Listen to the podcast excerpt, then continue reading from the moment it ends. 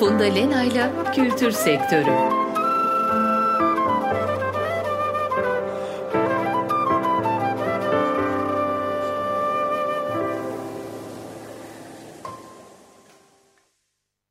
İyi akşamlar sevgili Açık Radyo dinleyicileri. Ben Funda Lena.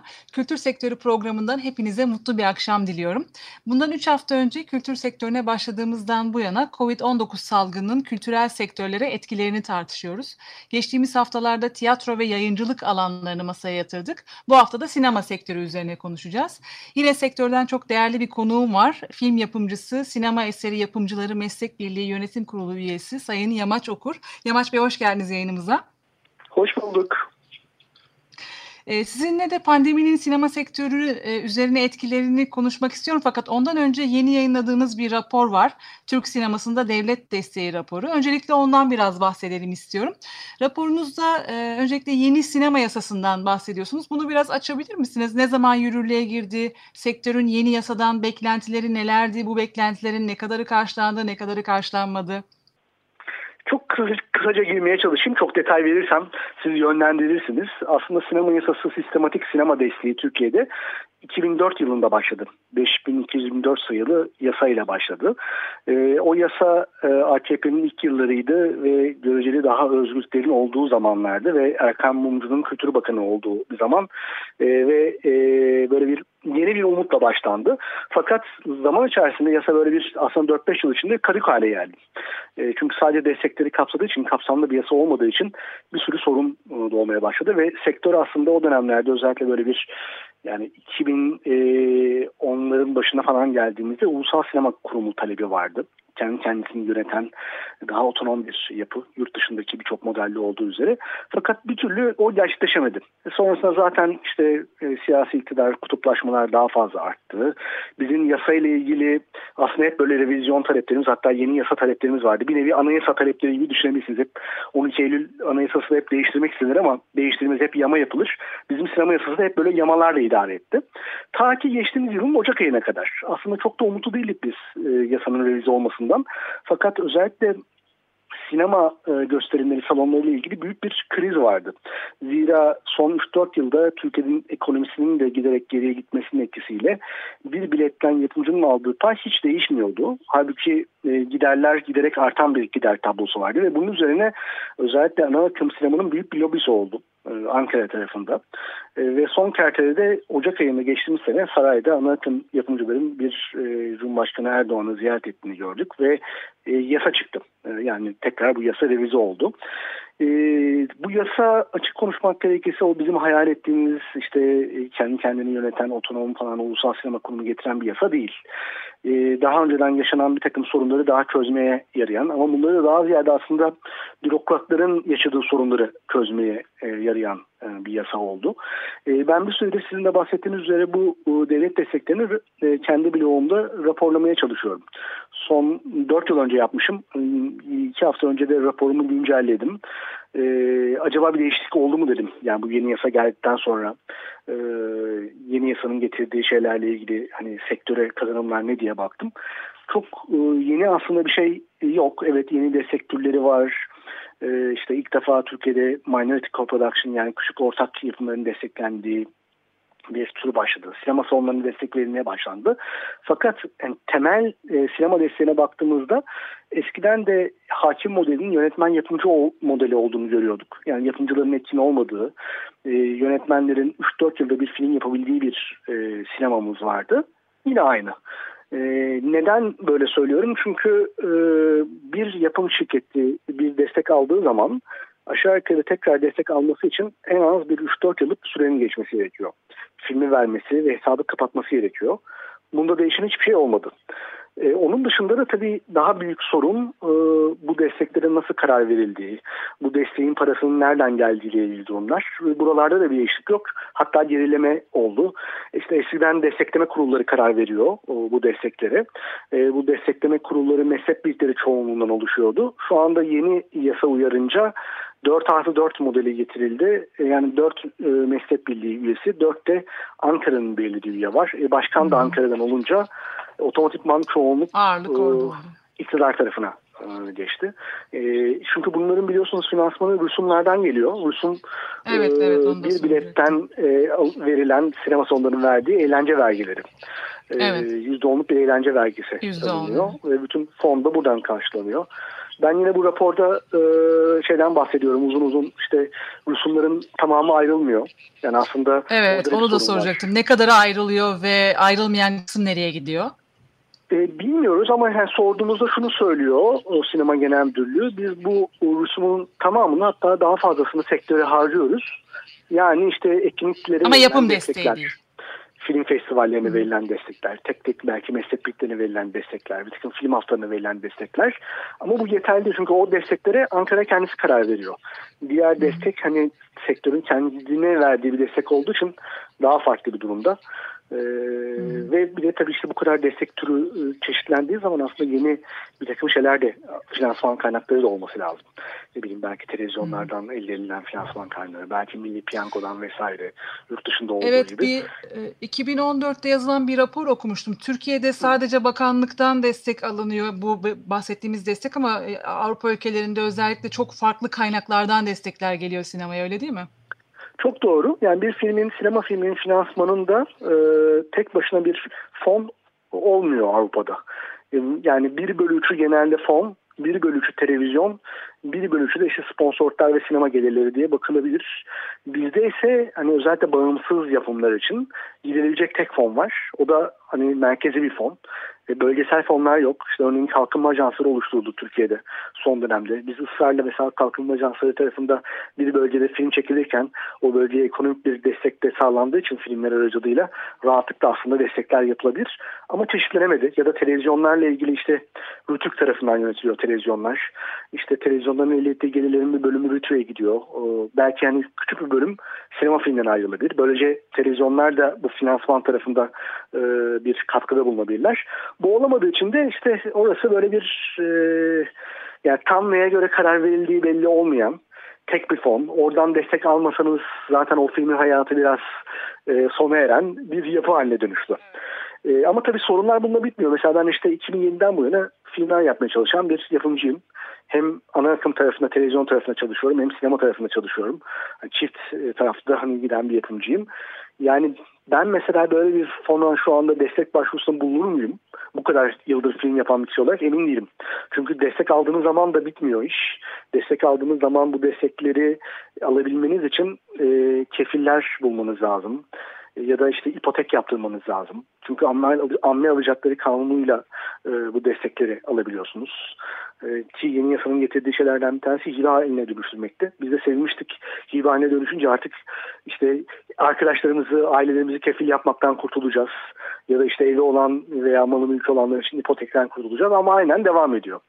Dolayısıyla hani yapımcı ile ilgili bir sistem değil bu. Ee, yönetmenlerin 3-4 yılda bir yapabileceği bir sistem. E tabii bu aslında bir anlamda da işine geliyor çünkü gücü bölen bir şey.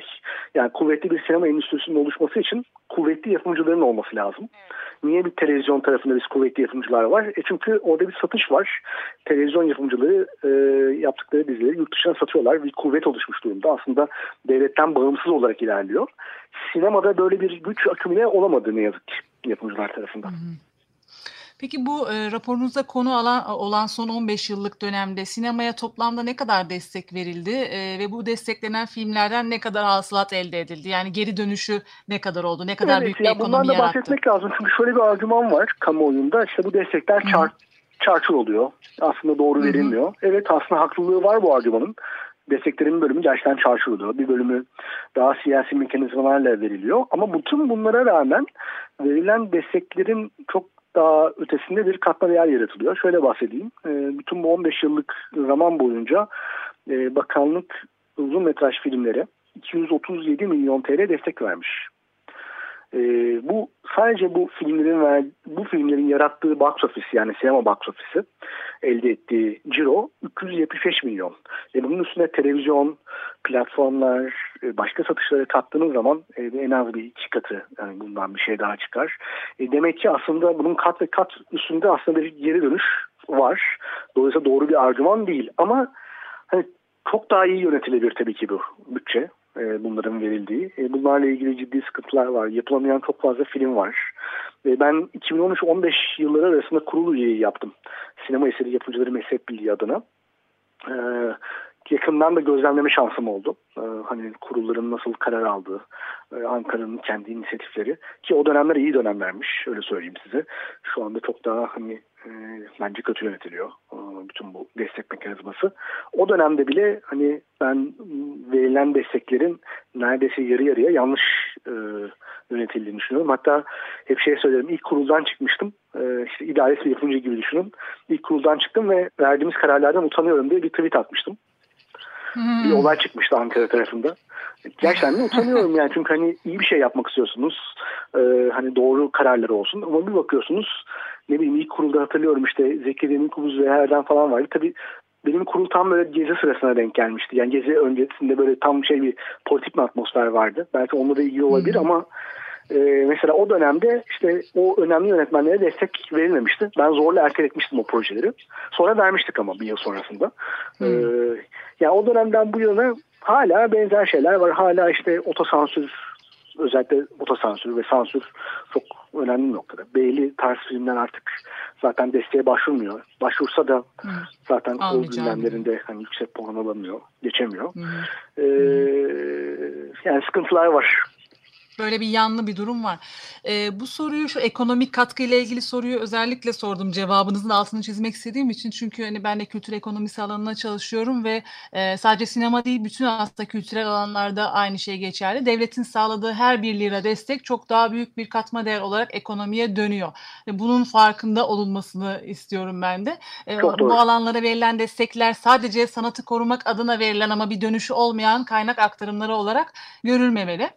Çok ee, doğru. Ama işte yine de farklarından bir tanesi bu sadece devlet vermiyor. Yani ben hep aynı şeyi söylüyorum. Bu sektörde sinema biletlerinden elde edilen bir pay.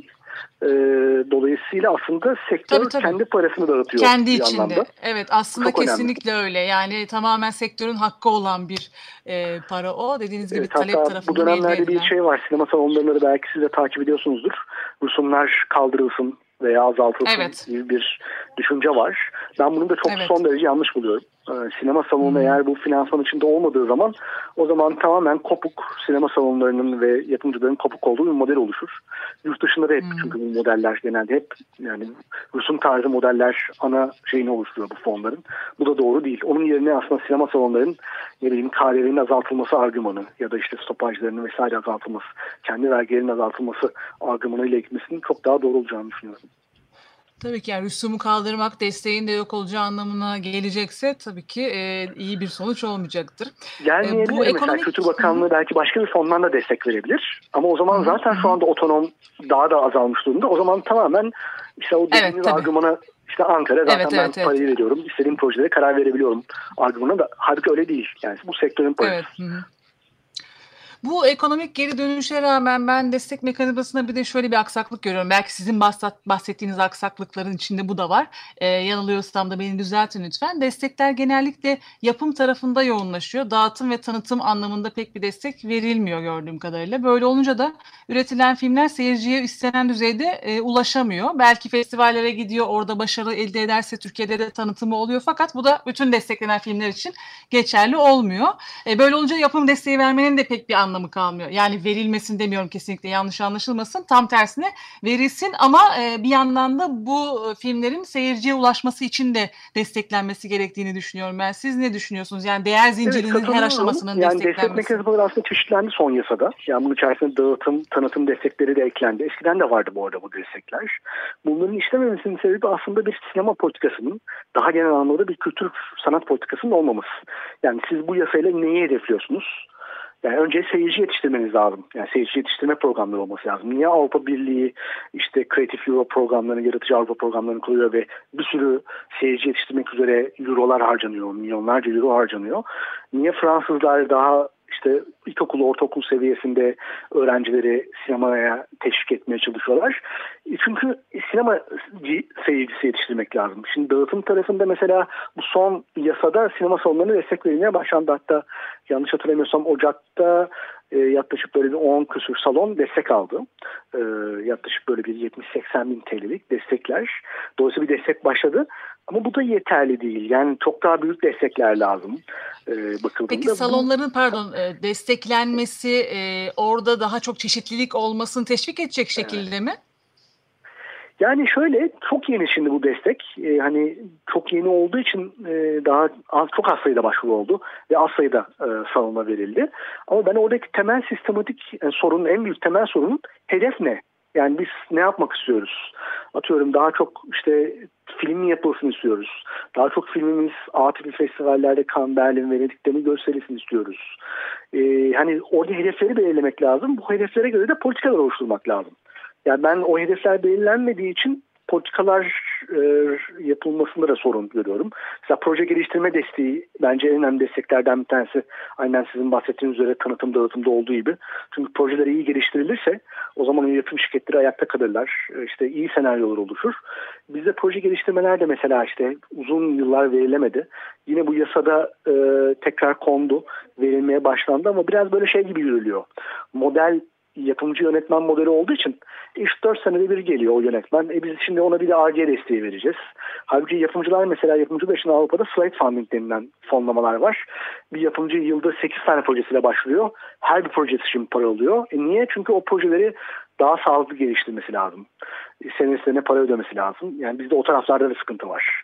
Bizde hemen bir senaryo çıktığı an hadi o fona gidelim para alalım. E sonra da filmimizi çekelim iyi de bir film işte proje geliştirme, çekim, post prodüksiyon, yapım sonrası aşamaları bunların hepsi birbiriyle bütünleşik alanlar. Ve bunların hepsini bütün sizin de bahsettiğiniz üzere sadece yapımı desteklemek değil tamamını destekleyecek modeller oluşturmak lazım. Ee, bizde e, işte dağıtım alanında büyük bir sorun var. Ee, yani bunu da uzun yıllardır konuşuyoruz. Ne yazık ki çözülemiyor. Büyük bir türesleşme bir tekel e, durumu var. İşte AFM Mars birleşmesinden sonra e, salonların box office'inin %50'sinden fazlası bir gruba ait oldu. Ve aslında tamamen o grubun e, inisiyatifleriyle e, ilerliyor. Özellikle ana akım e, sinema tarafı. E, burada bağımsız sinema zaten zordu işi. E, 35 metreden dijitale geçtiğinde zaman böyle bir küçük bir sevinç vardı. Daha rahat, tam tersi oldu. Daha zorlaştı. Çünkü e, bağımsız filmler daha da iş, daha az iş yaptığı için seyirci tarafında e, bu sefer de çok daha hızlı e, salondan çıkarmaya başladı e, salon e, zincirleri. E, bu, buralarda da sıkıntılar var. Mesela biz yani bu yasa çıktığı zaman popcorn yasası diyoruz bu yasaya. Bu popcorn yasasından çıkma sebebi işte ana akım yapımcıların aslında sinema salonlarından e, daha fazla yani, pay elde etmesiydi. Bu yüzden promosyonlar yasaklandı. Toplu bilet satışları yasaklandı. Ama şimdi bakın işte bir pandemi var. Salonlar kapandı. Üretim yok bu yasaklamanın ne kadar yanlış olduğu anlaşıldı. Aslında sektörel teamillerle, sözleşmelerle belirlemek lazım bütün bunları. Çünkü bir dönem geçerli olan şey bir dönem geçerli olmayabilir. Şartları değişebilir. Yasal düzenlemeler yerine aslında tarafların bunları bir araya gelerek çözmeye çalışmaları lazım. Hı hı. E, desteklerin miktarı anlamında e, diğer ülkelerle, dünya e, özellikle gelişmiş ülkelerle, Avrupa ülkeleriyle veya doğudaki ülkelerle de karşılaştırdığımızda Türkiye'deki desteklerin düzeyi hakkında ne söyleyebilirsiniz? Çok az, çok fazla, yetersiz, yeterli. E, yetersiz, epey kısıtlı. Yani bunu yıllardır söylüyoruz. Özellikle Euro bazında baktığımızda e, artık işler acısı bir durum haline dönüştü. İşte bir Euro paritesinde alıp başının gitmesiyle de ilgili bu. Ama kabaca hani bakıldığında yani bizim tüm desteklerimiz 10 milyon euro seviyesinde yıllık. Ee, yani e, şöyle söyleyeyim hani Fransa'ya falan gittiğimiz zaman oralar bilim kurgu filmi gibi zaten. Yani CNC Ulusal Sinema Kurulu'nun bütçesi milyar euro. Ee, hani arada çok çok büyük farklar var ama hani biz kendi şeylerimize bakalım. Ne bileyim Romanya'ya bakalım Macaristan'a falan bakalım Yunanistan'a falan bakalım. Oralarda da yani bizlerin en az 4-5 kat ötesinde destekler e, veriliyor. E, ortalama desteklere baktığımızda da işte bizde geçtiğimiz sene ortalama destek euro bazında yanlış hatırlamıyorsam hemen notlarıma da bakayım 110-120 bin euro seviyesinde. İlk film desteği 100 bin euronun altında ee, ve artık hani şey de yetmiyor bunlar. Film yapımına da yetmiyor. Bu yüzden de böyle bir boşlanmaya dayalı bir sektör var. Ya taviz veriyorsunuz yaptığınız filmden. İşte atıyorum 5 hafta çekeceğinizi 3 hafta çekiyorsunuz. Kullandığınız ekipmanı değiştiriyorsunuz. İşte belki hmm, çalışmak evet. istediğiniz oyuncu değil başka bir oyuncuyla çalışıyorsunuz. Bu tavizlerin sayısı arttıkça da bizim aslında prodüksiyon kalitemiz düşüyor. Yurt dışı ile baktığımız zaman hep hani niye daha az rekabet edebiliyoruz? Bizim yapım tasarımlarımız, yapım prodüksiyon kaliteleri filmlerin bir hali düşük yurt dışı ile kıyasla. Bunda da işte bütçelerin önemli bir bence rolü var. E, epey zayıf, epey, epey, epey az yani destekler. Şimdi e, zamanımızın sonuna doğru da yaklaşırken biraz da korona salgınının etkilerinden bahsedelim istiyorum. Sinema sektörü nasıl etkiledi bu salgın ve en çok hangi kurumlar ve kişiler etkilendi? Örneğin sinema salonları diyebilir miyiz? Salonların işletmecileri ve orada çalışan insanlar daha çok etkilendi diyebilir miyiz? Yoksa hani şu anda yapımcılar, yönetmenler, oyuncular mı daha çok etkilendi? Bence salgından herkes etkileniyor. Ve herkes de yani ben yakın şekilde etkileniyor. Çünkü her yerde hayat durdu. Yani herhalde online şeyler hariç işte lojistik firmaları e, vesaire hariç yani çalışan çok az sektör var. Setler Mart ortası itibariyle durdu Türkiye'de. E, yani bir aslında bir yasaklama kararları durmadı. Otomatikman kendiliğinden durdu. Çünkü çekilemez hale geldi. E, zira evet. insanlar korkmaya başladılar. Evet. E, en çok dizilerle diziler Hatta diziler önce evet. Devam eden birkaç dizi var. E, siz de gözlemliyorsunuzdur. Evet maskeyle çekilen e, dizilere rastladım. Evet. Okunmuş herhalde o diziler bilmiyorum. Yani nasıl, nasıl devam edebiliyorlar. bir de bir kısım oyuncular maske giyiyor bir kısım giymiyor. Nasıl oluyor onu biz de anlam veremedik. Evet yani şöyle söyleyeyim herkes etkilendi. Fakat sıkıntı şu oldu. Sinema salonları elbette çok büyük etkilendi. Yani kapandı yani sonuçta ama çekimler de durdu. Yani dolayısıyla bir reji asistanı da sinema salonunda çalışan sinema salonunda çalışan bir yer gösterici aynı şekilde etkilendi bakıldığında. Fakat sıkıntı şu oldu. E, desteklerle ilgili hani ne yapılabilir bu Covid'den sonra e, mücbir sektör ilan edilen bir takım sektörler oldu. Sinema da bunun içinde dendi. E, işte Mart'ın sonlarına doğru söylendiğinde. Fakat sonra anladık ki sadece bunun içinde sinema salonları ve tiyatro salonları var. Dolayısıyla yapım şirketleri, post prodüksiyon şirketleri, ne bileyim kas şirketleri ne varsa bütün o sektörde şey yapan onların vergileri, SGK'ları, muttasarları, KDV'leri ertelenmedi. Biz hala vergilerimizi ödemeye devam ediyoruz. Hiçbir değişiklik yok ama hayat tamamen durmuş durumda. Evet, ya da işte evet, yurt dışında olduğu gibi işte sanatçılara bir takım destek programları açıklanıyor her tarafta falan. Bizde hiç kültür sanat politikası vesaire olmadığı için yani Kültür ve Turizm Bakanı'nın açıklamasını duyduğumuzda biz sadece turizmle ilgili açıklamalar duyuyoruz. Kültürle evet, ilgili genelde zaten tiyatro ile özel tiyatrolarla ilgili şeyler var. Ama pek orada da aslında atılan bir adım yok. Hani benim gördüğüm. Hani Ama orada da tabii oyunculara, sanatçılara, bağımsız çalışanlara bu bu sektörler biliyorsunuz çok fazla bağımsız çalışanın olduğu sektörler. Doğru. Onlara yönelik bir şey yok. Yani bir takım kurumlara evet, KGF'den yararlanma, kısa çalışma ödeneği vesaire gibi kurumsal vergi evet. erteleme gibi şeyler var ama sanatçılara da e, onlar için de hayat durdu yani ve zaten hani çok fazla özellikle tiyatro alanında da bilmiyorum e, kazanç düzeylerini ama e, hani çok büyük birikimleri olan e, çalışanlar değil diye düşünüyorum. Özellikle de hani set yani çalışanları vesaire. Çok büyük yaşıyor. Yani hepimiz evet. aslında öyle yaşıyoruz. Çok evet, büyük evet, bir bölüm. Evet. Ve yani bakıldığında e, yani hiçbir şey yapılmadı yani bu sektörlerde. Yani biz sinema eser yapımcıları meslek bilgi olarak böyle iki, iki buçuk sayfalık e, öneriler şeyimizi sunduk Kültür Bakanlığı. İki hafta sonra e, arandık. İşte e, neler yapılabilirdi. Yani hiçbir şey yapılmıyor. Yani çok basit şeyler yapılabilir aslında. Mesela copyright leviler var. Bunu ısrarla söylüyoruz. Evet. Özel evet, kopyalama evet. harcı yıllardır sektöre dağıtılmıyor. Hı-hı. Ve bunlar aslında hak sahiplerine dağıtılması gereken bir para. E, bu dönemde evet. dağıtılmayacaksa hangi dönemde dağıtılabilir? Evet. Dedi ki bir yardım fonu oluşturulsun. Kaç lira toplandı diyelim ki 250 milyon TL toplandı. O parayı en azından 8-9 bin lira 10 bin lira neyse bunun paylaşımı bunu bölelim. Dağıtalım mesela mezhep bitleri aracılığıyla. Hiç sesler yok ama çok büyük bir ekonomik sorun var tabii yani ülkede.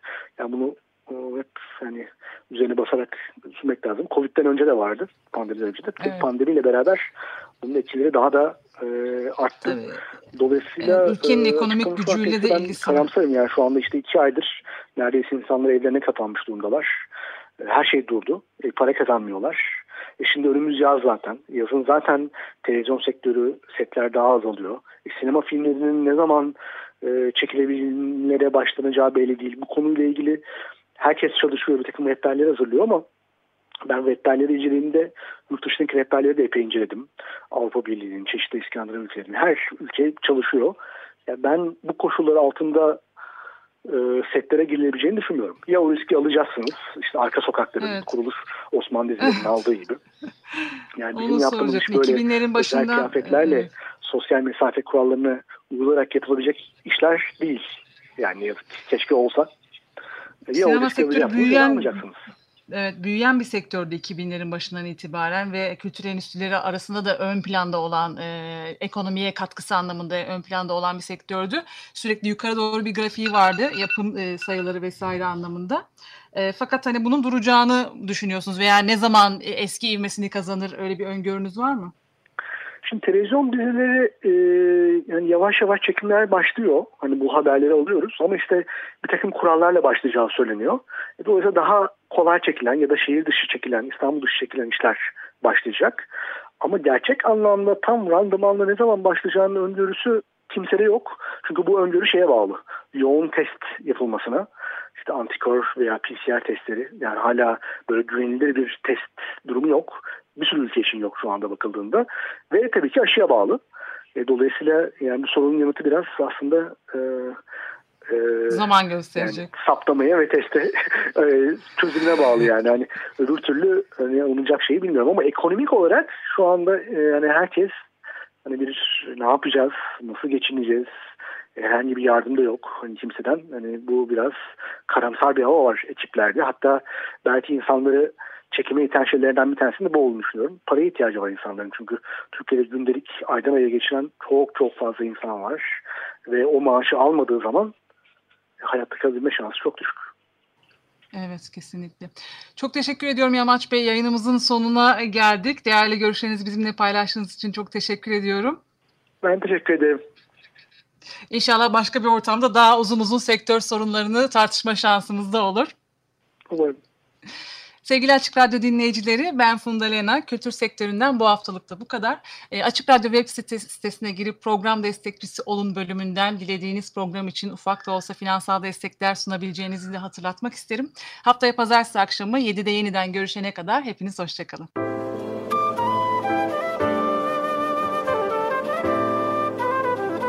Funda Lena ile Kültür Sektörü.